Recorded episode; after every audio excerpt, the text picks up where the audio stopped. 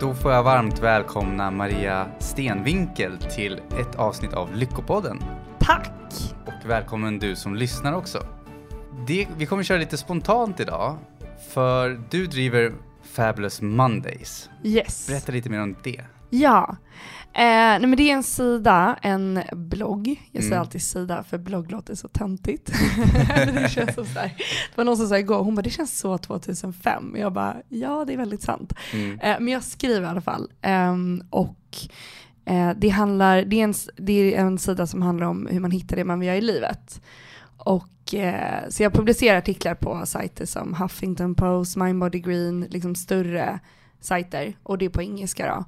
Och sen så har jag onlinekurser ehm, inom det, just hur man hittar det man vill göra, men verkligen inifrån och ut. Så att det blir, när liksom, ja, svaren kommer inifrån. Så att man vet, liksom, hitta sin väg, man får klarhet, ehm, liksom, ja, bara klarhet i vad man vill och kan ta sig framåt. Mm. Hur kom du in på det? Alltså jag var ju, eh, jag jobbade med marknadsföring förut, det jobbar jag också med fortfarande idag, men eh, jag eh, trodde liksom att jag hade en idé eh, väldigt mycket i mitt huvud om vad jag ville. Liksom, att så här, det här är det man ska göra för att liksom, skapa sig ett bra liv. Man ska ha den här utbildningen, eller i min, min värld, och vara liksom, hela den här checklistan på allt man ska göra. Ja. Eh, och så kom jag dit och bara insåg att den, det gick jättebra för mig. Och jag liksom fick väldigt mycket, jag fick promotions och jag liksom tog mig uppåt väldigt mycket, jag fick mycket ansvar. Eh, jag hade hand om en partnermarknadsföringen för 150 länder i Europa, Afrika och eh, Mellanöstern. Och det gick liksom, ja men tog, det gick väldigt bra. Eh, men att den här lyckan som jag trodde skulle komma, det var som att jag hade strävat i så många år. Jag bara, men när jag nått dit, då kommer jag må så bra och jag, allt kommer vara så toppen. Ja. Och sen liksom så, ja men det så, fick jag en promotion och bara, aha, men nästa då? Och det är så att jag jagade grejer men blev aldrig liksom tillfredsställd. Och då då jag började liksom bara, vänta lite här nu, är det här, är det, har jag, är det, stämmer inte det här som jag fått lära mig? Liksom framgång är lika med lycka. Så det var det som liksom, ja, det var det som började det. Mm. Eh, och, eh, och då befann, jag jobbade i Paris då också, som var liksom också en dröm att här, jobba utomlands och du vet ha så här, ja men det, som man har sett så här, bilder att man ska bara ut i karriären och bara vara tok framgångsrik och resa och det, så här, det går bra nu. Mm. Eh, och sen att liksom, men det lirade inte riktigt mitt inre. Eh, så det var det som var liksom, den vägen var det på egentligen. Vad, men jag tänker, för du har ju alla de här grejerna, vad kom du in på istället som du kände att ah, men det här är lyckan? Alltså det var mycket det här med att jag tror så här, våga typ möta mig själv, våga, våga möta alla de här känslorna. Allting som, det var som att jag hela tiden haft fokus externt och liksom sökte bekräftelse hos andra människor i hur jag presterade. Jag var, liksom hur jag presterade var mitt värde som människa. Och att om jag presterade bra, då var jag en bra människa, men gjorde inte jag bra ifrån mig, äh, men då påverkade det mitt värde som människa. Eh, så jag tror att det var mycket sådana saker, att liksom, men, att bara så här, möta mig själv och våga sitta med alla de här, så här känslorna och tankarna och våga vara i det liksom, eh, ja men bara våga konfrontera sig själv liksom, och vad vill jag? Och att inse att bakom kanske det som först ser ut att vara världens storm, du vet när man sätter sig och mediterar för första gången eller första gångerna så bara åh herregud vad händer här liksom? Det är så mycket tankar och det var totalt kaos. Och sen när man fortsätter sitta där så börjar det komma fram liksom en vishet och det börjar komma fram intuition och det börjar komma fram sköna känslor. Och liksom att man nästan så här går, går förbi, alltså det är som en dimma som börjar lätta mer och mer. Och man börjar inse att men jag sitter på väldigt mycket liksom kunskap eller så mycket svar som jag inte behöver få utifrån utan det kan komma inifrån mig själv. Och det är för mig konstant övning, för ibland ringer jag också mamma och bara åh gud, hur ska jag, vad ska jag göra nu? Och hon bara ta det lugnt liksom. Och det, så det är så här, fortfarande en övning för mig hela tiden att så här, ja men kom tillbaka till mig själv och bara så här, hitta det inombords liksom. Eh, och då att det är lättare att liksom se det, att man vill ha den reflektionen externt. Att så här, lirar min inre bild och min, min inre värld med min yttre värld, då är saken ganska bra. Liksom. Eh, så att jag tror att den, att få den synkningen för mig, är liksom, det, det har egentligen varit den resan som jag har varit på. Och liksom, jag som idag, att det är så mycket så här, det är så allting gör ju för att liksom, hela vårt samhälle är på ett sätt så att man hela tiden luras utanför sig själv. Alltså det är så mycket distraktioner, det är Facebook och det är Instagram och jag är också, jag är beroende av det liksom. Alltså verkligen så här, kollar det väldigt mycket men måste hela tiden hejda mig själv för att inte dras in för mycket i det. För jag märker att när jag är för mycket i den världen så blir det som att så här, men då tappar jag lite fotfäste. Och som den här helgen till exempel så spenderade jag jättemycket tid själv för att jag bara, jag måste, nu måste jag grunda mig själv för att nu har jag liksom flugit iväg lite här. Och bara hitta den så här grundningen, hitta liksom andningen, alltså bara komma så back to basics. Um, så att det inte blir så, liksom så mycket fokus utåt sett. Alltså också få, men att det, det måste alltid en balans. Liksom. Men jag håller med. Jag älskar ju själv personlig utveckling. Jag lyssnar enormt mycket på böcker och sånt inom personlig utveckling. Men senaste veckan, då har jag liksom varit så här, nej men nu behöver jag bara inte utvecklas. Ja. Och så har jag bara lyssnat på bachata-musik Ja. hela veckan. Liksom. Det är svårt, att- jag kan inte förklara bachata-musik, men jag, älsk, jag förstår inte vad de säger, men jag älskar musiken liksom. Alltså vi började ju prata om det innan vi började spela in. Alltså Ja. när, och när du nämner bachata, jag är ju alltså sånt extrem bachata-nörd. Jag är tokberoende av bachata, liksom bachata-musik hela tiden. Och när du säger det, jag bara nej men alltså det här är så sjukt. För att för det första så känns det inte så många vet vad bachata är. Mm. Det är en dans från Dominikanska republiken. Ehm, Hur skulle man kunna beskriva den? Alltså- jag har inga bra ord för det, men Alltså en tjejkompis till mig, ehm, jag var lite, jag bodde ett tag i Dominikanska i Mm. ett halvår. Och när jag var där först så var jag såhär, gud vad är det för, liksom, det är, så här, det är sensuellt. Det finns ju olika former av bachata, men den vanligaste är liksom sensual, bachata Mm. sensual.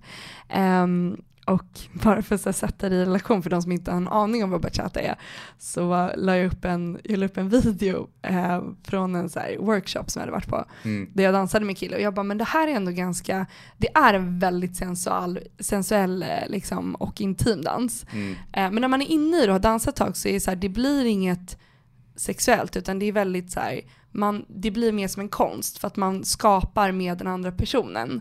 Eh, och man är inne i stunden och man tänker liksom inte på att så här, okej nu har han typ mitt, sitt ben mellan mina ben. Alltså det är så här, mm. eller så här, ja det kan se väl, det kan nog se Jag mer kan så här bilden som intimt än vad skapas det när är. du beskriver det här. Ja, exakt. Ja men då var det typ en tjejkompis med mig och jag bara, så, så la jag upp den här videon och jag bara den här är ändå väldigt städad och liksom Mm. den ser inte så, så liksom eh, intim ut. Och så, så går jag hem så på kvällen till en tjejkompis, käkar middag och hon bara Ja men Maria, kan vi bara prata om den här sexvideon du la upp typ? Jag bara, nej men alltså, det är så, så det, ja, det är en, det kan se väldigt liksom intimt ut, men när man är i det, som du vet, du som också dansar bachata, att man, det är ett skapande med en annan människa och det sker väldigt, liksom, man gör, jobbar mycket höfter, mycket liksom body rolls. Ehm, man får verkligen så här, kliva in i, i kroppen. Jag tror det är det som är så skönt, att man liksom är så här, man, tänker man för mycket då tappar man det helt, utan man måste kliva in i så här, musiken, i sin kropp och det är när man är i det här flowet, när man hittar det flowet så är man bara så här, man går verkligen från huvud till hjärta Mm. och är liksom totalt i sin kropp men också i skapa, skapande med någon annan. Vilket är så häftigt för att man märker att den personen är i sin kropp, man själv är i sin kropp och det är liksom, där sker skapandet. Ja, men jag jämför, det. jag kommer ihåg när jag dansade tango också. Jag lyssnade faktiskt på en ljudbok nyligen om, eh, vad heter det, maskulint och feminint. Ja, Jag älskade beskrivningen var typ som, jag jämförde den personen med tango, att du har ju en som följer. mm. Men du kan ju inte vara en död fisk som bara följer. Alltså, förstår liksom, så många tänker att när man följer då blir man styrd. Fast det är ju inte ett styrande. Liksom. Jag tror nästan man måste uppleva det. Det är ju just det här flödet, balansen mellan Ja. de båda. Och när det harmoniserar så är det liksom fantastiskt. Och som du säger så är det ju nästan, det är ju en form av meditation. Mm. Eh, Gud ja. ja. för du kan liksom inte tänka på, låste jag dörren där hemma eller vice versa liksom, för då kommer inte dansen riktigt funka. Ja, men alltså verkligen. Och för, alltså, jag också det här med, det är kul att du nämner det med maskulint och feminint, för det har varit en grej som jag har verkligen liksom varit så intresserad av de senaste åren. Att kliva in i det här fem, den feminina energin mer. Att jag, när jag jobbade till exempel i Paris, det som gjorde att jag inte till slut trivdes så bra var att det var en väldigt så här, maskulin energidominerande värld. Och det, här ska inte, det säger man inte att det är så här, maskulint inte bara lika med manligt utan vi båda har ju feminin och maskulin energi i oss. Men att det maskulina är mer så här, drivande och görande och den feminina är mer intuitiv, mer passiv, mer liksom connectande. Men den, båda, är ska, båda är skapande energier. Ja, så, så att ingenting exakt. innebär ju att man blir, vad heter det, apatisk. Nej, säga, liksom. döda fisken liksom. Ja, men döda fisken. De båda är ju skapande, man skapar på olika sätt. Ja, exakt. Och att jag tror att vi har sett den feminina energin som, som inte är lika bra som den maskulina. För att det är när vi gör som vi, liksom, vi är ett väldigt så här, doer-samhälle som bara så här, man ska göra så mycket som möjligt, klämma in så mycket som möjligt. Medan den feminina energin tror jag är extremt stark. Bara att vi inte, den har inte fått lika mycket uppmärksamhet. Liksom. Um, så jag har varit på så här, som jag har haft som en inre, liksom inte utmaning, men så här inre, jag vill, jag vill att utveckla min feminina energi. Och då är det så coolt med just typ bachata till exempel. För det är man ju som tjej, alltså jag tror att många, i alla fall för mig har det varit liksom, jag har varit van att du vet, ta så ledande rollen och styra och ställa. Och att vara i den positionen där man tillåter sig bli ledd och inte styra. Alltså det var för mig när jag var typ i dominikanska lektioner, han läraren, han bara Maria, du kan inte lära, du får inte styra, du ska bara bli liksom ledd. Mm. Och den utmaningen i att inte få styra var liksom, det, tog så, det var det svåraste för mig. Att bara så här, okej okay, nu ska jag bara lita på den här främmande mannen som står framför mig. Och bara total tillit på att han kommer styra mig rätt och veta vad, vad min kropp tar vägen. Mm. Men det är så coolt när man alltså den, som du säger, alltså den är lika skapande för att man är, när någon trycker åt ena hållet så är att man bara följer med och liksom uttrycker den rörelsen. Och att man... Eh, det är en förstärkning kan man säga. Ja, men verkligen, verkligen en förstärkning. Och att det blir det här mer, jag menar det blir, det blir ju mer sensualitet i när kvinnor dansar till exempel. Alltså att man blir den, den liksom jag har svårt att sätta ord på det, men att man liksom, men verkligen den så här, det, det, förstärker allting, att det är mannen som styr och sen att det liksom blir det här att man får uttrycka det ännu mer med, sin, liksom med sina höfter, med sin kropp, med sina axlar, armar, mm. allting. Eh, och det är så otroligt skönt att vara på den platsen, att mm. bli ledd. Nu när man liksom, eller för mig i alla fall, när jag övat in det och bara så här, få kliva in och bara säga jag behöver inte styra här utan jag kan bara gå in i total tillit. Mm. För de som vill veta mer om det, det finns en bok, den handlar egentligen om raggning, men raggning, attraktion, alltså egentligen jag ser det som, vare sig, även fast jag är i en relation, mm. så älskar jag sådana böcker. För att det är fortsatt, jag ser det som att, jag tror många relationer slutar gå bra för att man tar varandra för givet. Men mm. jag, ser, jag försöker hela tiden tänka som att om vi fortsätter gå på dejt, mm. alltså förstår du att man har den här liksom, spänningen och det kommer från en en insikt jag fick, jag kommer ihåg när jag var i Paris. Mm. Eh, då var det en tjej som jag kände som, hon jobbade som barnflicka för en familj där. Och de hade date night, jag tror det var en gång i veckan, en gång varannan vecka. Så då hade de liksom barnvakt och så gick de ut på dejt. Mm. Och jag bara, wow vilken fantastisk, jag har aldrig tänkt på att man kan fortsätta gå på dejt. Uh. Fast man är tillsammans. Så jag bara inte undrar på att deras relation är fortfarande bra. För att de liksom fortsätter göra de sakerna som de gjorde när de höll på att bli förälskade. Ja. Gud, gör du och din flickvän det? Jag försöker så gott det går. Liksom. Ja. Men Red Knight, den beskriver väldigt mycket om de här olika personlighetstyperna vi har, eller personlighetstyperna inom attraktion. Mm. Och även eh, balansen mellan maskulint och feminint. Mm. Och det betyder ju inte att man, och att många män får idag lära sig att det är fult att vara maskulin, det är mm. fult att leda. Utan du ska vara snäll istället. Det kommer från en annan bok som också heter Mr Nice Guy. No mm. more Mr Nice Guy. Mm. Men, och det är för att jag själv tryck undan min maskulina energi. Alltså det bästa sättet är liksom att jag trodde för att bli omtyckt och accepterad, då skulle jag bara vara snäll. Mm. Om jag bara inte säger emot, om jag är trevlig och bara de här grejerna att det betyder att man är en bra man om man säger så. Mm. Och när det inte funkar, då gjorde jag mer av det. Mm. Om jag bara, alltså jag, för jag var, jag vet inte, jag hade fått lära mig liksom, om jag, jag vet inte hur, men att om jag bara är snäll, snäll nog, då kommer jag bli accepterad och omtyckt och vice versa. Ja. Liksom. Men ibland så är det så, i en relation så behöver man ju bara någon som står på sig också. Ja.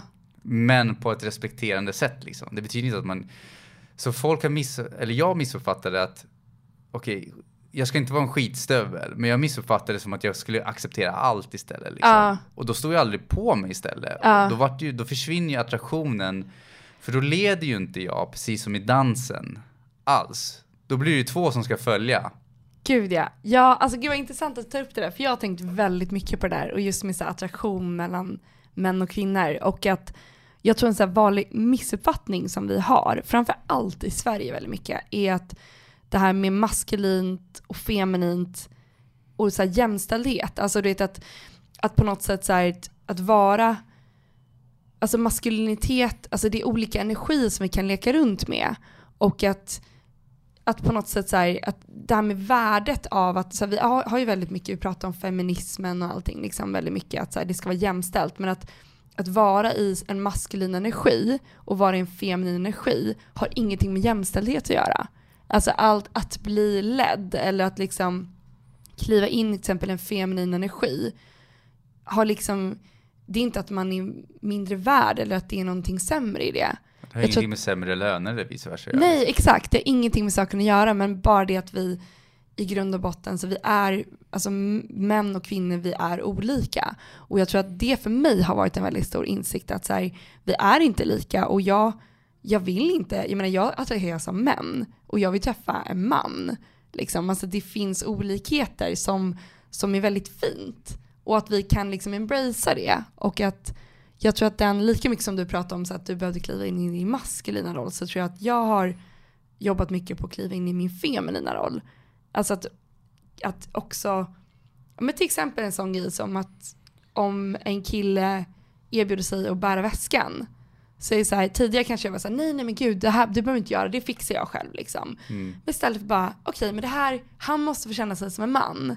Och därför så liksom, du får bära min väska. Lika mycket som en så här, mamma måste få känna sig som en mamma och kanske få liksom ta hand om en ibland. Och en stora syster måste få vara, jag är stora syster, jag måste ju få stora syster till min lilla syster ibland. Alltså att vi har olika liksom typer av roller och att, um, och att liksom få typ, få leka runt i dem och få känna att, för jag tror att så här, lika mycket som en man behöver få känna sig som en man måste en kvinna få känna sig som en kvinna. Alltså att man kan liksom eh, få leka med dem.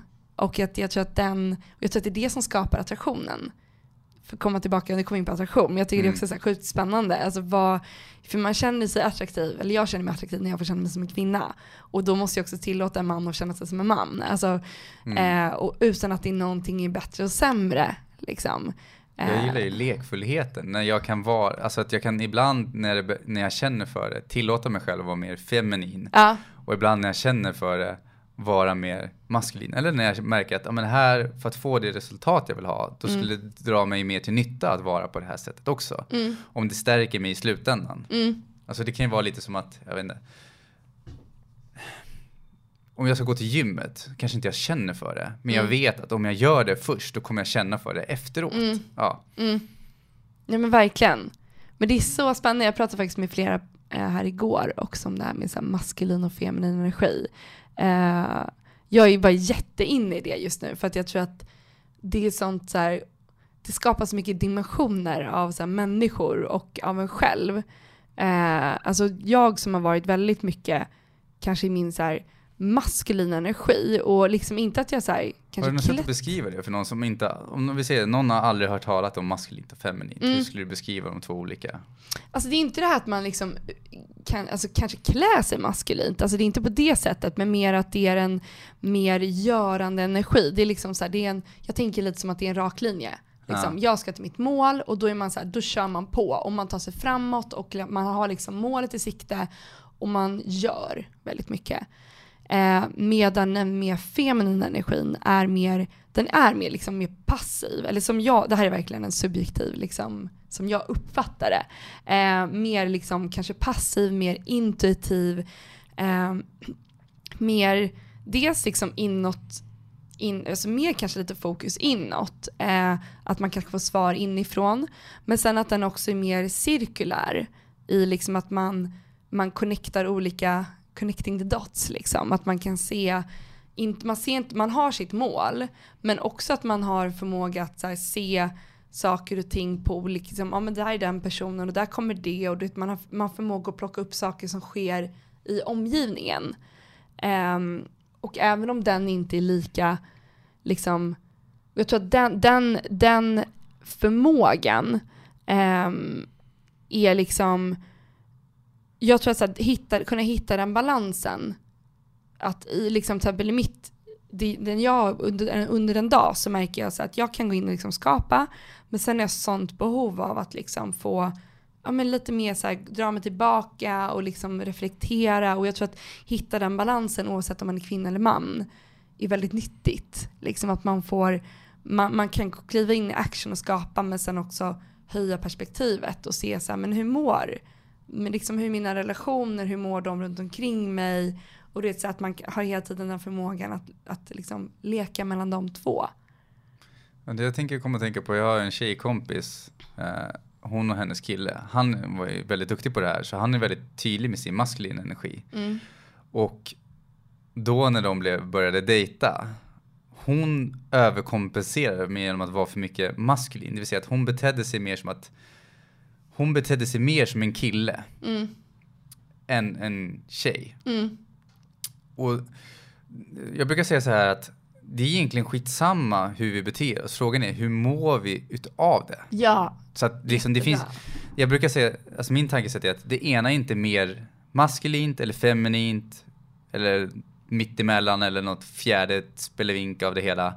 Det spelar ingen roll, frågan är ju bara hur vi mår av det hela. Ja. Så att det här är olika sätt att sätta olika perspektiv mot varandra så man kan få hjälpa sig själv och vägleda sig själv. Men det hon upptäckte var att hon hade växt upp väldigt mycket och försökte kompensera för att skydda sig själv. Mm. Så försökte hon bete sig mer som en kille för att inte vara attraktiv. För att det var någon del av henne som inte tillät sig själv att vara attraktiv som tjej. Mm. För då var hon rädd för att vara, jag kommer inte ihåg liksom, men typ som att hon, och då försökte hon skydda sig från att vara attraktiv. För det var, hon hade gjort en koppling med att det är inte bra att vara attraktiv. Mm. Och genom att kompensera och vara mer som en kille, då slapp hon få det på det sättet. Då var hon mer att tävla med hockeylaget, med killarna mm. istället. Liksom. Men när hon träffade sin nya kille, då var han väldigt tydlig med sig. Hörru, det där är min zon. Kom inte och försök liksom spela min roll här. Det här är min. Och det tvingade henne in att sätta sig i perspektiv. Varför betedde hon sig för att göra som hon gjorde? Och då var det ju omedvetet ett lager hon hade för att inte komma i kontakt med sig själv. Mm. Sen kanske man har det på beteende på ett positivt sätt också. Det får ju var och en känna efter för sig själv. Stärker det här mig? Eller tror jag att jag behöver göra det här för att kompensera för något? Mm. Men när hon tillät sig själv mer in i det feminina, då gick hon ner i vikt. Alltså hon var överviktig och hon har kämpat jättelänge för att gå ner i vikt. Men hon, det intressanta var när hon tillät sig själv vara feminin och attraktiv då, efter alla års kämpande, då var det som att alla beteenden, allting formades så att hon kunde tillåta sig själv att liksom vara attraktiv som tjej. Gud vad häftigt! Vad coolt. Alltså, ja, jag tror att det där är en väldigt, så här, och som du säger, jätteviktig poäng. Det här med att man är, jag tror att det gäller att hitta sin egen balans. Alltså mm. att man som tjej kanske har väldigt mycket ma maskulin energi. Och liksom, och återigen, det behöver inte vara att man klär sig, alltså du vet, att man har, alltså att man klär sig som en kille. Jag tror att det, det har egentligen i grund och botten ingenting med kille och tjej att göra. Liksom, utan det är bara så olika typer av energier, yin och yang. Liksom. Ja, jag vill lägga till, det har ingenting med vikten. Alltså man är inte mindre värd för vikten. Men det var Nej. bara att hennes mål var att gå ner i vikt. Ja. Men hon lyckades inte för att det var ju hennes skyddslager. Liksom. Ja. Så och hon hittade sin balans. När hon hittade liksom. sin balans så kunde hon tillåta sig själv att göra det. Liksom. Så att det är liksom, ja. Ja, men verkligen. Jag tror att den, så här, och det är det man vill komma åt, man vill hitta sin balans i så här, och också olika situationer. Eh, jag hade till exempel en situation nu i helgen där jag märkte att, att så här, jag har hittat liksom min, vad ska man säga, mera min feminina energi, till exempel dansen och det, så här, jag har hittat det på väldigt många områden, alltså mer i jobbet. Jag till exempel på liksom mitt andra kontor så så jag i princip tvingar alla där att sitta och så här, eller tvingar mig inte, men så här, det är meditation varje liksom lunch. Um, vilket är, vilket så här, jag tror att det är väldigt bra att försöka få in den så här, balansen. Um, men sen så är det så här, det är alltid, man är ju konstant så här, upptäckande om sig själv. Och att i, i liksom ett så här, sammanhang, liksom i, i, ett, så här, i ett sällskap, så har jag märkt att jag har klivit in i mer liksom min så här, maskulina energi. Alltså att i, nu när jag pratar så är jag i min maskulina och du är din feminina för att vi så här, alltså vi är konstant byter ju mellan, mellan dem liksom. Och den som är mer aktiv är mer i sin maskulina energi. Bara så för att förtydliga om man tycker att det kanske är lite konstigt, alltså med maskulin och feminin. Vi försöker förtydliga det hela liksom. Ja, ja precis.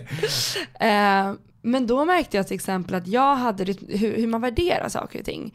Att jag, i till exempel när vi har haft släktträffar, så har jag ofta liksom, ja men, så berättat grejer, delat med mig, tagit liksom mycket plats. Och sen var det någon gång som jag var väldigt trött och jag var såhär, jag vet inte om jag orkar följa med. Och mamma bara, men du, du vet att du behöver ju inte alltid liksom prata så mycket eller så här, dela med dig. Du kan också bara sitta och lyssna. Um, och det var någonting i mig som var så här, oh vad jobbigt. Och bara sitta och så här, var liksom inte vara så delaktig.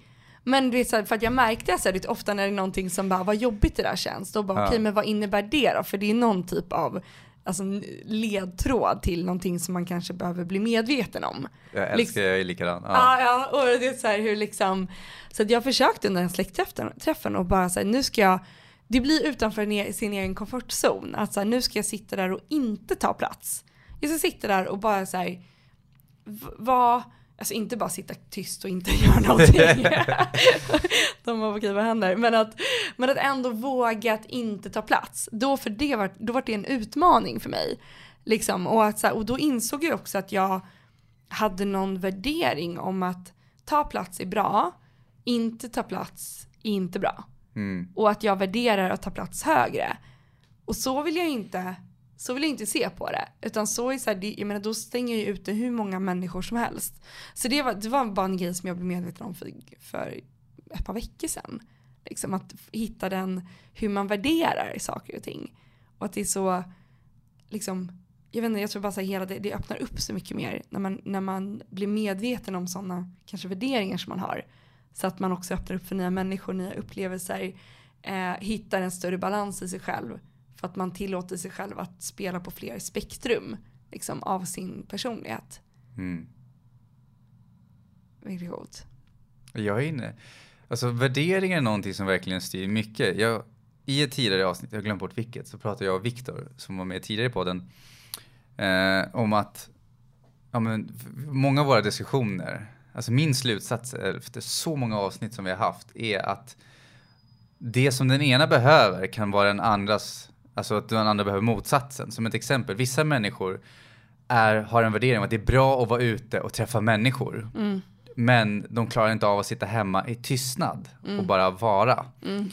Men, så att de flyr sig själva genom att vara ute och träffa människor. Men sen har vi motsatsen. Det finns människor som har jättemånga negativa laddningar, värderingar och trauman som de obearbetat kring relationer. Så de flyr sig själva genom att sitta hemma och bara vara genom att inte tillåta sig själv att vara bland människor, för då utsätts de för det som de tycker är jobbigt. Och istället för att tänka, hmm vad intressant, här har vi någonting som jag tycker är jobbigt, och notera och undersöka varför då. Mm. Så bara, det där är jobbigt, det flyr jag, eller det vill jag inte ha med att göra. Varför ska jag, varför ska jag göra med det här? Det är jobbigt.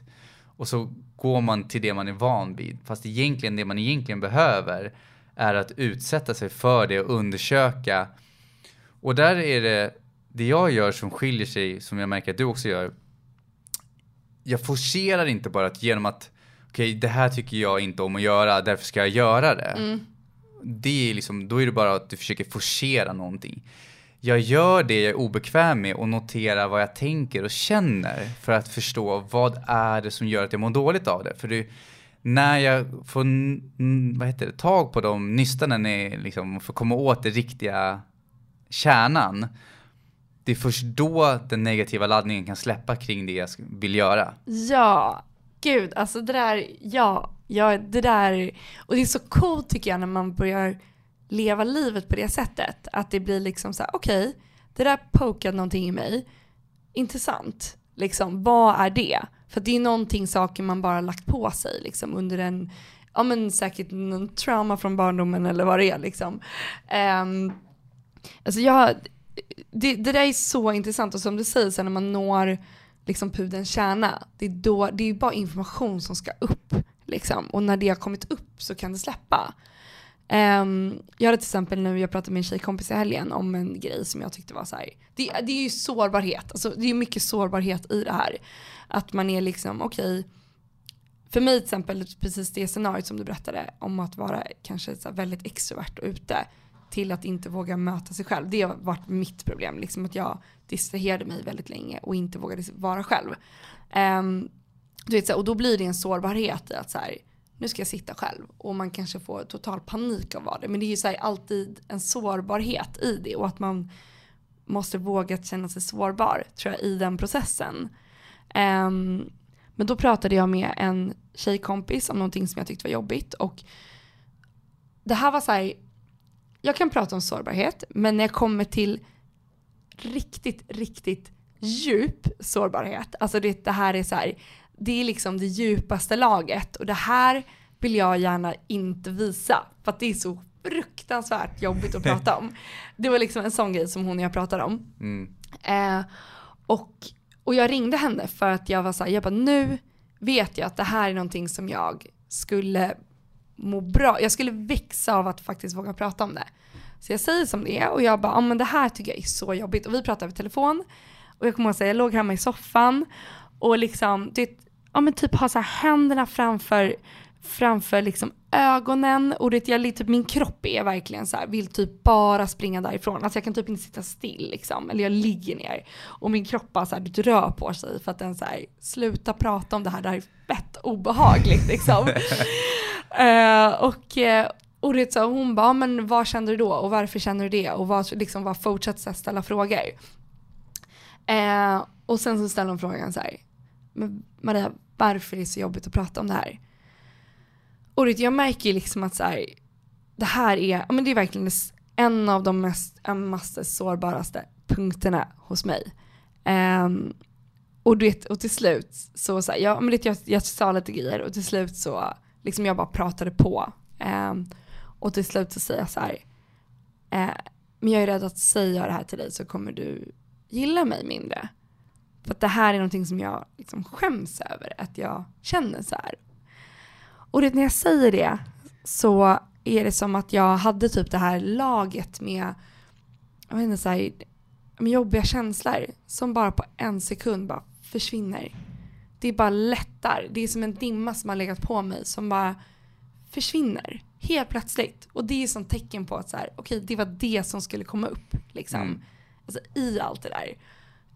Um, sen var det så fint för hon sa det, hon bara, hon bara men lika mycket som du växer av det här så växer jag av det. För att du, jag, det liksom reflekteras tillbaka till mig i, sak, i saker och ting. Mm. Och jag gillar inte dig alltså, mindre för att du säger det här, snarare tvärtom.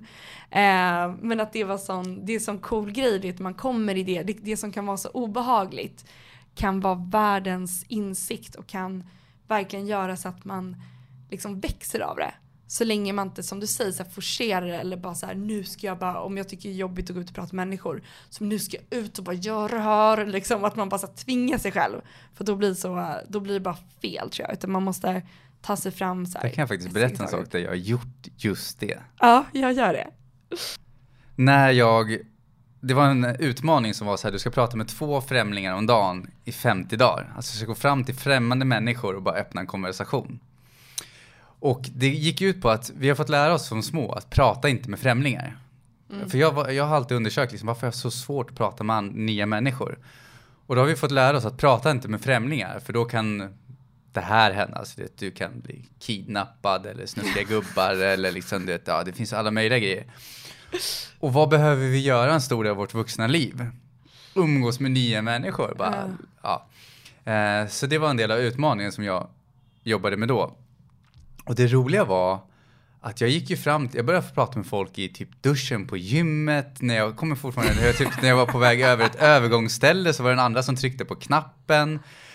Och den ultimata utmaningen var att man skulle få någonting av personen.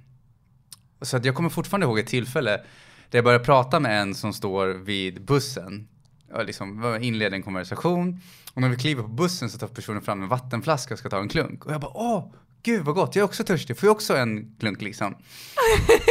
och det kommer från att vi, alltså för det här testade jag för att programmet som jag gick går ut på hur programmerade vi är som människor med attityder. Mm. Det är de här attityderna som vi pratat om innan som kan hindra oss om de omedvetet styr oss. Och det är att vi får inte prata med främlingar, vänta på din tur att prata. Det är två av sakerna, så liksom, att du får vänta på din tur. Men om inte jag får prata med en ny människa och jag måste vänta på min tur. kommer inte hända så mycket. kommer inte hända så mycket. Men däremot, om jag pratar med en ny människa och jag beter mig som en främling. Så låt säga att jag skulle, om en, du och jag träffas på stan, du står vid övergångsstället då. Och så börjar jag prata med dig som om jag vore en främling. Mm.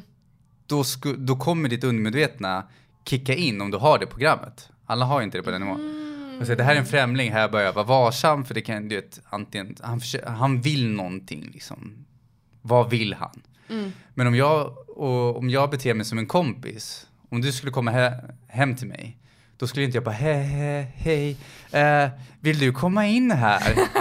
Alltså då skulle jag bara, vad gör du för någonting just nu? Liksom, du, har du gått och blivit knäpp? Och liksom, så att då går utmaningen på att man ska bete sig som en kompis ja. till främlingar. Ja.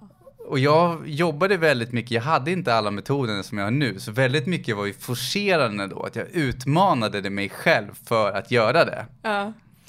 Jag tror jag klarade det jag höll inte det alla dagar, men jag gjorde typ 48 dagar och sånt totalt liksom. Men det är ju grymt ju!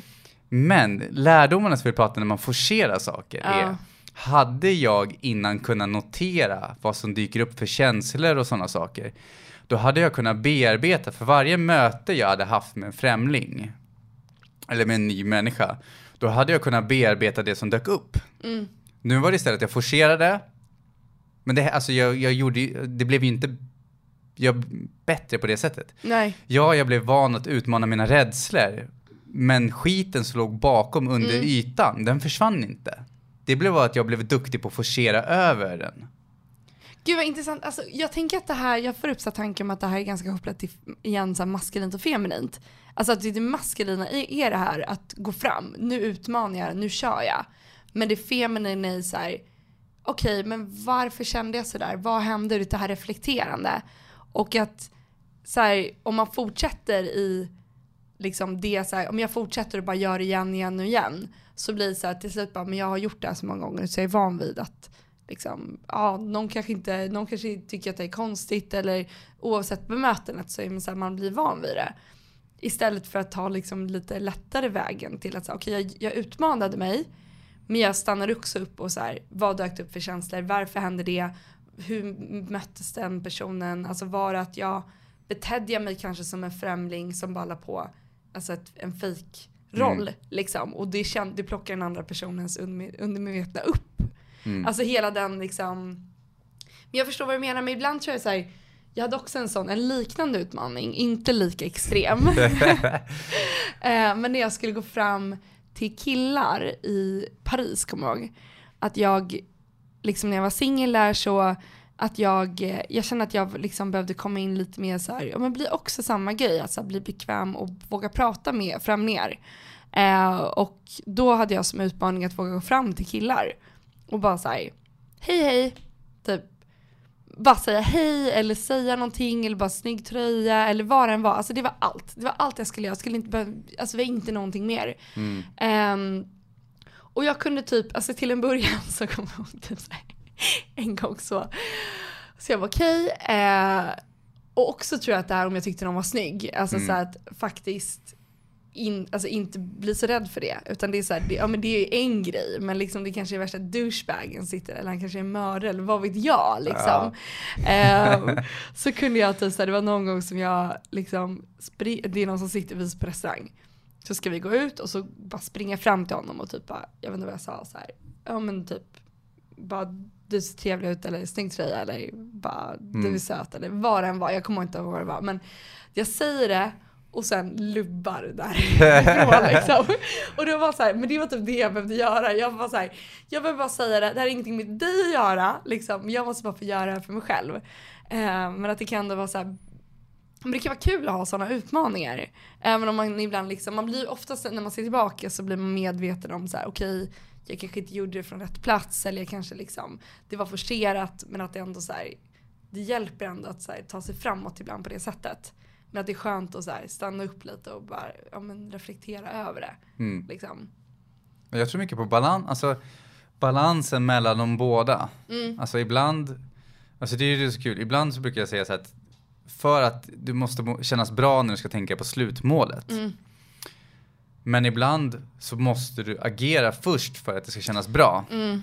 Men det är där som genom att utforska sig själv och sitt inre och sitt yttre, det är då man kommer komma fram till när är det bra att forcera för att det kommer kännas bra efteråt Mm. och när är det bra att invänta för att det ska först kännas bra. Liksom. Ja, alltså det där, jag och eh, en tjejkompis, vi har haft en eh, workshops nu innan, vi, hade, vi gjorde två stycken hade vi innan sommaren, som heter High Vibe Mornings. Som är egentligen så vi har träffats eh, en grupp liksom, eh, vi var tror jag, ja, 14 första gången, typ 16 andra gången. Och det var bara för oss egentligen att öva och så här, prata inför folk. Ehm, vi båda liksom ville utvecklas inom det. Så vi satte ihop det här konceptet, så här High Vibe Mornings. Och både hon, hon är så här gammal managementkonsult, det båda är väldigt så här drivna och bara så aktiva och vi kan skapa vad vi vill med bara viljan liksom. Vi bara, men det är inte så vi ska göra det här.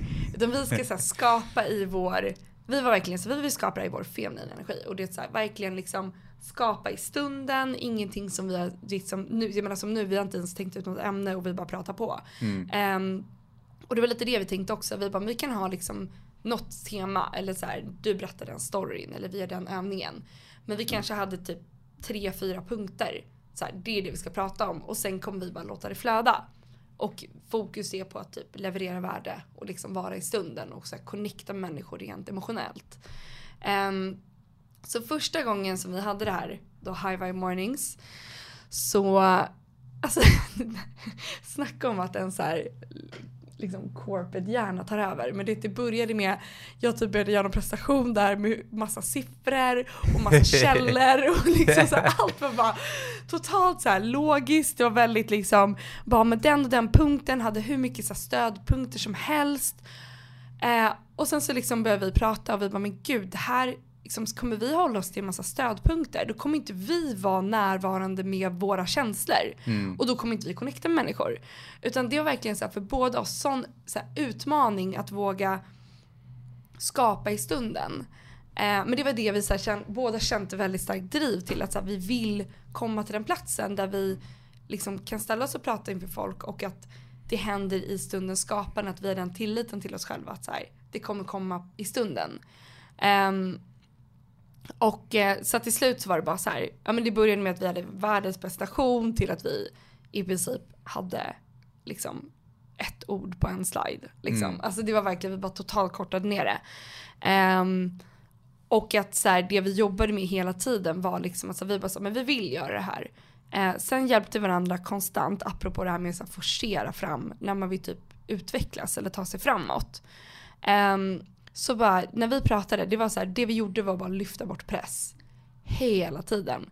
Det var liksom, båda var så här, men vi kan ställa oss och prata om saker, men att ställa sig och prata och vara sårbara och inte ha liksom så här, det här är min stödlapp där jag kommer typ kunna bara läsa utan, utan till eller innan till. Um, utan till. Men läsa innan till om du liksom, om det bara låser sig. Eh, men att liksom, vi bara, men det vi ska göra är bara så här, komma in i, vi ska må bra och liksom så här, känna att vi inte gör det här att vi inte bygger upp värsta berget som vi sen måste överkomma och kämpa oss över utan så här, nej men vi, vi lyfter bort all press så mycket vi bara kan. För vi är fortfarande, vi vill göra det här, det är liksom vårt mål. Men vi vill inte göra genom att bara pressa oss igenom det utan vi vill göra det i lättja och i glädje. Ehm, så det var liksom målet, att så här, vi ska göra det här men inte som vi gjort det tidigare utan på ett annat sätt. Så att när vi liksom snackade så var det hela tiden så här, vi bara lyfte, hjälpte varandra så här, ja men vad, okej vad är det för rädsla, vad dyker upp, okej. Men liksom så bara hjälpte varandra, lyfta bort press, lyfta bort press hela tiden. Um, och det kändes så bra för båda oss. Vi var så här, vi hade sån fantastisk, alltså vi hade två, som sagt vi hann göra två, vi kommer göra det till hösten också. Um, vi hade, det var alltså magiskt. Det var så här med den här gruppen människor och liksom vi, vi lekte med så här sårbarhet, alltså starka känslor, glädje. Sluta, liksom börja med att typ meditera till att vi avslutar med att alla bara står och kikar järnet liksom. Jag satte på en bachata, det var så här despacito liksom. Um, så det var liksom att få, det är så här, att leka i den, att när man vill ta sig framåt i livet, för det vill man ju göra, man vill ju skapa, man har ju vissa mål och saker man vill skapa. Men att, att hitta det tillvägagångssätt som man känner att, att det här är ett roligt sätt att ta sig framåt. För det gör ju också att man vill ta sig framåt till nästa grej och nästa grej för att så här, vägen dit var rolig. Mm. Och jag tror att den, eh, för mig har det varit väldigt viktigt att liksom så här, jag behöver inte bara pressa mig fram helt svettig och typ så här, liksom helt bara så här, gud nu har jag gjort det men jag, det var ett helvete liksom. Så kan man göra det på ett sätt som känns härligt och roligt och självklart nervositet och lite rädslor men att så här, jaha men nyfikenhet, vad beror det här på?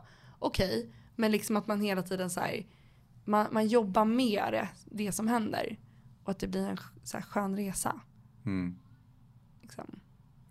Men jag tänker också när vi pressar, jag tror det är det som gjort att låt säga som jag bara pressar, pressar, pressar, pressar, pressar och sen så är jag, kanske jag klarar av saken. Eh, så har jag gjort förut liksom. Och då var det så här, fast jag mår fortfarande, jag har gjort det här för att det här ska ge mig det här uh, grejen liksom.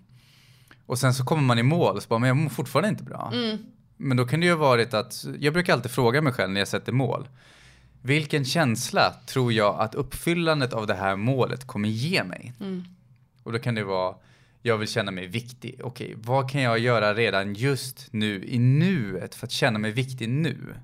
Och då, när jag känner mig viktig i nuet, då börjar, jag bli, då börjar det istället ta sig uttryck genom att jag gör saker som i det yttre bekräftar att jag på mitt inre känner mig viktig. Mm. Och då är jag i mål redan från början Mm. och börjar fylla på inifrån med den kraften jag vill ha så att den får uttryck på utsidan. Jag får fortfarande saker gjorda men utifrån en uppfyllnad inifrån istället för brist inifrån. Och när jag Mm. är i mål då känner jag mig uppfylld för att jag varit liksom i passionen hela vägen. Ja. Gud det där är så, alltså det där, jag håller så med. Verkligen. Alltså jag tror den, den, den insikten om att så här, allt vi vill ha handlar bara om att må bra. Jag hade till exempel en, jag fick en, så här, en, en artikel eller en intervju publicerad i L eh, i, i fredags. Och det här för mig var så här, det var, jag har visualiserat det och jag bara så här, wow vilken cool grej, synas i L, så häftigt. Men sen så hade det typ hänt en grej och som jag mådde så här, jag hade ganska mycket, jag mådde ganska dåligt på lördagen. Um, och det var som att så här, jag, jag skiter, jag kunde inte bry mig mindre om det här målet som ändå har uppnåtts. Liksom. Det har varit ett mål och det uppfylldes. Men i stunden av att inte må bra så är det noll värt. Liksom. Alltså den, det, var så cool, det var så häftigt att inse det. Att liksom, det vi alltid vill är ju att må bra. Liksom, I allt vi vill uppnå. Att det är så här, är det att tjäna den här miljonen eller den här vänskapen eller liksom träffa den här personen. Alltså vad den är så är det alltid att liksom, vi vill alltid nå åt en känsla. Och jag tror att den, det du beskriver, liksom det här med att man, okej men vad vill jag med det här målet och hur kan jag, hur kan jag börja liksom känna det redan nu? Jag tror det är så himla bra, så klok grej att göra. Jag brukar ju tänka, det jag har märkt själv är att de flesta gånger som jag vill någonting så är det för att undvika en smärta eller få en njutning. Mm. Alltså det är de vanligaste liksom sakerna. Och då kan det vara att det intressanta som har varit är att till exempel, ja men jag vill ha ännu bättre ekonomi en gång i tiden. Men jag fick lära mig då, hur känns det när jag tänker på ekonomi? Då, och då brukar jag tänka, jag plus vad jag vill ha är lika med. Mm. Och då var det jag plus framgång är lika med liksom, ja det var döden. Och jag bara, var kommer den kopplingen ifrån? Liksom? Var det det du fick upp? Det var det jag fick upp. Det, det var det första spontana. Jag bara, det låter ju helt galet. Kommer den kopplingen ifrån? Och så började jag skriva, men var tror jag det här kommer ifrån? Och direkt dök det upp TV. Och då är det så här att när jag var yngre, då kollade jag på typ så här, ja men så här dokumentärer om människor som har lyckats och sådana saker. Men det var ju FBI-dokumentärer där det blivit liksom otrohet och mord och du vet sådana saker ju. Oh, Så det var det som min, mitt undermedvetna hade den, alltså om jag, tar fram, om jag sa framgång då kunde jag se en bil, men om jag sa jag plus framgång, då hade min hjärna eller mitt undermedvetna kopplat ihop det med dokumentärerna. Ja. Och sen så undrar jag varför jag får kämpa och streta och pusha och pressa. Ja. Men det är ett, och då brukar, har jag hört så här, ja men du måste vara motiverad nog. men det jag insett är, ja fast om min, mitt undermedvetna har kopplingen att om jag gör det, om jag lyckas med det, då kommer jag dö. Det finns i stort sett ingenting jag kan komma på som motiverar mig mer än att undvika döden. Nej. Så då behöver jag istället titta på vad är det för för då blev det istället att jag undvek att lyckas med saker. För en kompis sa till mig att så fort du håller på att lyckas, då byter du, då hittar du på något annat. Liksom. Mm. Det kan ju vara positivt också för att man inser att det här var inte rätt väg. Mm. Men en del av gångerna så var det för att jag höll faktiskt på att lyckas med någonting. Och då var mitt undermedvetna, ho, ho, nu är du nära målet här. Nu ska vi skapa lite självsaboterande beteenden Ah. här så att du inte kommer i mål. Och då kan Ah. jag försöka pusha och pusha och pusha. Men jag, och så kommer jag må dåligt hela vägen och sen inte förstå varför. Ah. Men när jag började byta ut kopplingen, då blev det ju istället naturligt att jag tillät mig själv att göra det jag ville. Ja, men istället för att springa, för det var saker jag ville göra i livet som jag inte tillät mig att göra. Så jag hade kopplingen, jag får inte göra det jag vill. För om jag gör det jag vill, då kommer jag ju lyckas med det. Och då kommer det bli konsekvenser. Kanske låter långsökt, men det var den kopplingen min hjärna hade. Och då blir ju den smärtan jag ville undvika var ju att lyckas. Ja. Och den smärtan var större än att misslyckas. Alltså gud vad inte, det här tycker jag är så spännande. Men det som jag tänker, har det här med, för du sa tidigare att så här, nu när du sätter mål så, så definierar du känslan du vill ha ut av det. Mm. Och så försöker du bara embracea den. Är det fortfarande att till exempel en sån undermedveten tanke dyker upp? Eller gör det här att du sätter mål tillsammans med känsla, gör det att de här undermedvetna tankarna inte ens kommer, alltså de störs, de stör inte De brukar lika komma upp, mycket? alltså, de kommer upp till ytan. Många när de sätter, alltså det här är jättebra inom målsättning när vi vill skapa eller uppnå eller göra saker. Så är det ju ett uttryck från insidan. Jag tror Mm. att när vi får någonting till oss, det här vill jag göra, så är det, det kan vara en programmering från någon annan. Mm. Eh, eller så kan det vara att vi har hört, men låt säga att någon växer upp. Eh, och så får de höra att ja, men det är bra att vara läkare, advokat eller sådana saker, för det är bra pengar. Och så väljer de den karriären för att det är bra pengar. Ja, men då är det ju en programmering som vi har hört från någon annan, att det här ska man göra för att bli lycklig. Men sen kan jag skilja på när jag känner att men det här vill jag verkligen göra, men jag gör det inte. Mm. Och då brukar jag istället börja med att skriva, jag brukar sätta mig ner och skriva, varför tror jag inte på att jag kan lyckas med det här? Och då kanske man tänker så här, men det är ju varför fokusera på det negativa? Nej, det negativa finns ju redan där. Jag vill få upp det till ytan så jag kan reda ut det. Gud vilken bra grej, det där ska jag verkligen testa. För då blir du medveten om vad, vad ditt så här, undermedvetna sitter och håller på. Ja, för, an, för jag brukar mäta två saker med mål. Ja, Hur mycket vill jag det och hur mycket tror jag på det? ja, Alltså på en skala 0 till 10, den, viljan är 0. Det är att jag vill inte det här alls. Eh, Och 10, jag vill, vill verkligen det här liksom. Och hur mycket tror jag på det? Det kan ju också vara 0, att jag tror inte på det här alls. Och 10 är, jag vet att det här kommer ske. Alltså det är lika troligt som att jag kommer fylla år nästa år. Om- Om jag, om jag lever, då kommer jag fylla år nästa år. mm, Eh, och det som, då har, försöker jag undersöka då, om jag skriver, sätter ett mål, så skriver jag en siffra. Hur mycket vill jag det här och hur mycket tror jag på det här? Sen undersöker jag, varför vill jag det här? Är det jag som vill det eller har jag fått höra att det här är bra att vilja? Och det andra är, hur mycket tror jag på det och varför tror jag inte på det? Och så får Gud, jag upp massa grejer. grejer och sen kan jag undersöka och notera varför tror jag på de sakerna istället för att släppa dem. För då istället för att jag ska bygga upp en sån här enorm drivkraft, jag ska verkligen vilja alltihopa. Så här, find your why until you cry har jag hört många gånger liksom.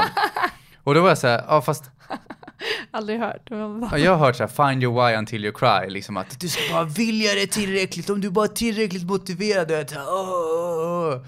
Men då har jag varit mer så här, ja, men varför, varför inte bara undersöka, varför springa hinderbana i Ja. livet? Undersök, var, vad är det för hinder som Mm. finns där? För det är det som är autopiloten, när vi forcerar många av våra program som kanske är så starkt känslomässigt kopplade. Det är därför det blir så att vi går på dieter för att gå ner i vikt. För att sen efter ett tag sluta med de vanorna, få gå tillbaka till samma gamla vanor som vi hade tidigare och sen kanske gå upp i vikt istället. Mer än vi var från början. Mm. Det är om vi har de här negativa tankemönstren så kommer de vinna i slutändan. Om vi inte tar upp dem till ytan och ifrågasätter dem. Mm. Och det där tror jag är så här, det är så, så um, bra poäng för att jag tror att när vi sätter mål också så är det så här, om man tänker typ en diagonal så är det så här, okej men jag befinner mig i ena sidan liksom och så vill jag upp till det här ena hörnet liksom. Och på den resan så kommer det dyka upp för att den version, det handlar ju alltid om en själv, om ens egen liksom bereds, alltså var, ens egen, var man befinner sig själv. Och när man sätter ett mål så kräver det en ny version av sig själv. Eller liksom det kräver nya, det kommer hända saker på vägen. Vi behöver växa. Vi behöver växa, exakt. Och att under den processen så dyker det upp saker på vägen. Och att jag tror att så här, hade någon sagt det till mig, bara så här, det kommer dyka upp grejer. När du sätter ett mål, då kommer det dyka upp saker på vägen. Alltså det kommer dyka upp rädsla, det kommer dyka upp att din, så här, i, din, i din kropp, alltså att du kanske känner dig obekväm, det kommer dyka upp liksom du kommer säkert prokrastinera för att vi känner saker och så hittar vi liksom en så här, ja men jag har inte tid eller jag är för upptagen eller på grund av det här och det här så funkar inte det. Alltså vi, vi gör liksom logiska resonemang av det vi känner. Mm. Ehm, och att så här, jag tror att den, alltså, den grejen att liksom vara medveten om att så här, okej nu sätter jag det här målet. Det finns saker som, det är undermedvetet för att vi inte känner till det. Men det, liksom, det finns saker som kommer komma upp till ytan. Och att liksom bara bli medveten om det. Om att så här, det är det här, det är den resan det handlar om. Att liksom hela tiden växa som människa och att kunna plocka upp det här precis som du säger och verkligen så här kunna så här, med nyfikenhet titta på det och bara men vad handlar det om då? För att alltså det, jag, det jag har märkt är när jag har liksom jobbat med mig själv på sån, alltså när det dykt upp saker. Det kan vara så här, du vet, det kan vara typ ett, något minne som är, jag har till exempel ett minne från när jag var kanske fem år som var väldigt, som kom upp till ytan mer och mer av så här, vet, det bara dök upp utan att jag visste varför och det var att min pappa hade, när, vi, när jag var liten så skulle min pappa åka och handla och han var så här stressad, han skulle vara sent och vet du, han, han var trött, mamma var trött. Och sen så ska han åka och handla och så vill han att mamma ska följa med. Eh, och hon bara nej men jag orkar inte liksom. Och då säger jag så här, men jag kan följa med. Och då säger han så här, nej du får stanna hemma. Och det är den här grejen, det kan låta som en så här, säkert så här vanlig vardagssituation. Men den här har liksom påverkat mig så mycket i att jag har känt mig så här, ö, lämnad av min pappa. Det är så här, och det här, jag, jag vet inte om jag har sagt det här till honom, eh, man kanske vet om det. Men att liksom den, det, det här är en sån grej som man säkert, man gör såna här saker. Det var ingen så här, han var trött och var så här, ja jag vill, han vill ha hjälp av mamma. Han vill inte ha med sig sin femåriga dotter för att det blir ett ytterli- ytterligare liksom ansvar just då. Mm. Eh, men att för mig var det här så här superdramatiskt liksom. Och det låter så så här. Men jag skrattar för jag känner igen mig i de här situationerna. Jag har ju själv, inte med min pappa, men jag har haft liknande grejer som liksom låter hur ytliga som helst. Ja, Men de är starkt känslomässiga för Exakt. en själv. ja. Och det är det som styr. Men exakt det. Och att det är så här, och att den här grejen dyker upp. Att det är det som så här, sen när det händer någonting senare så är det den känslan från det tillfället som ens undermedvetna försöker skydda en ifrån. Liksom. Att det har hänt så mycket, att vi bara är, och jag tror att det är det som, är, så här, det är det som gör oss människor, det är därför vi har fått, alltså vi är på ett visst sätt, vi beter oss på ett visst sätt. Eh, men bara den grejen att det blir, det blir så mycket mer så opersonligt. Om jag är rädd för någonting eller om jag blir nervös inför en situation så är det, det är ganska opersonligt. Alltså det har ingenting med mig egentligen att göra. Utan det har bara med min programmering att göra. Alltså den så här, det är en ganska skön grej tycker jag att veta att så här, okej, okay, men nu typ händer det eller jag gjorde på det sättet eller jag agerade på ett väldigt märkligt sätt. Jag vet inte ens varför jag agerade på det sättet. Så det är såhär, okej okay, men det är någonting mitt undermedvetna försöker skydda mig från någonting. Alltså det är, det är snällt i grund och botten. Det försöker bara skydda mig från någon typ av smärta eller någonting jag varit med om liksom. Um, men att bara så vara medveten om att så här, det här, det, det händer. Det är en del av liksom livet. Så tycker jag i alla fall att, så att eller jag blir snällare mot mig själv. Och jag tar det inte lika personligt. Jag kan säga okej, okay, ja men då är det bara någonting som jag ska liksom, som ska komma upp till ytan. Ja, jag, alltså, men, jag tänker likadant. Men jag tänker så här också, att vi ska avrunda för idag. Ja. Är det så att du som lyssnar gillar det här avsnittet, gå gärna in och prenumerera på Lyckopodden. Skriv en recension om du vill det också. Jag får tacka så mycket till dig Maria. Tack. Ehm, ja. Kan vi inte göra som en utmaning den här övningen du hade som var så bra? För jag ska gå och göra den idag tänkte jag. det här som du berättade med när man sätter mål. Vilken av alla grejerna? den här med typ vad, eh, alltså varför kan jag inte nå det här målet? För att få upp allt det undermedvetna. Ja, eh, ja men eh, skriv ner någonting på ett papper som du vill uppnå och så frågar du själv vilken känsla tror jag uppfyllandet av det här målet kommer ge mig? För det är oftast den vi vill åt. Och sen kan man också skriva ner varför tror jag inte på att det går för mig? Superbra ju. Mm. Jag att det bra då får vi avrunda för idag. Tack så mycket. Tack så mycket. Ha det så gott. Hej hej.